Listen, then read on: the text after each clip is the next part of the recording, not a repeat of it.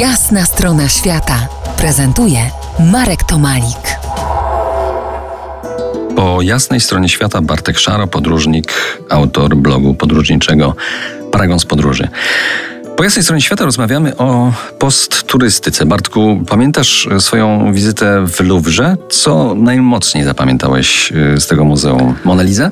Pamiętam doskonale nie tyle Monalizę, co salę, w której znajdowała się Mona Lisa.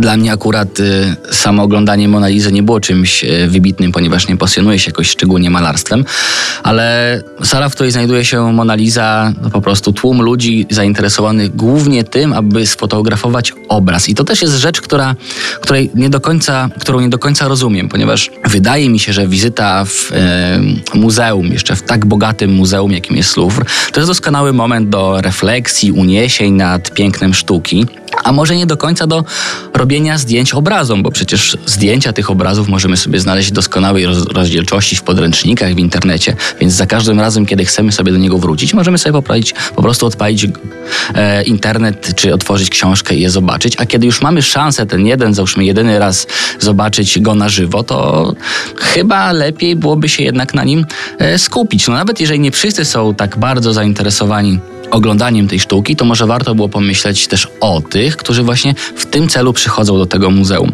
E, też byłem zdziwiony dysproporcją ludzi zainteresowanych e, różnymi rzeczami w Louvre, ponieważ jest to przebogate muzeum. Oczywiście Mona Lisa cieszy się największą popularnością, ale na przykład przy takim kamieniu Rozety, który też jest niesamowitą, niesamowitym znaleziskiem, pustki. No może nie jest on fotogeniczny, może nie, nie sprzedaje się tak dobrze na Instagramie, nie wiem. Mamy olbrzymi napęd do rejestracji obrazu kosztem jego prawdziwej kontemplacji.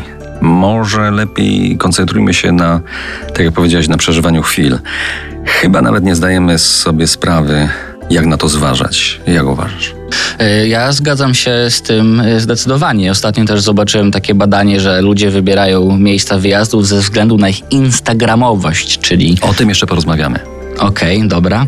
E, w takim razie zostańmy jeszcze przy tej kontemplacji. Tak, uważam, że za dużo w ogóle oglądamy świat przez e, ekrany, e, czy to aparatów, czy smartfonów i lepiej by było, gdybyśmy tak nagle się otrząsnę, otrząsnęli z tego i zaczęli patrzeć na świat z powrotem własnymi oczyma. Do fotografowania w czasie podróży powrócimy jeszcze za kilka muzycznych chwil w RMF Classic. Zostańcie z nami po jasnej stronie świata.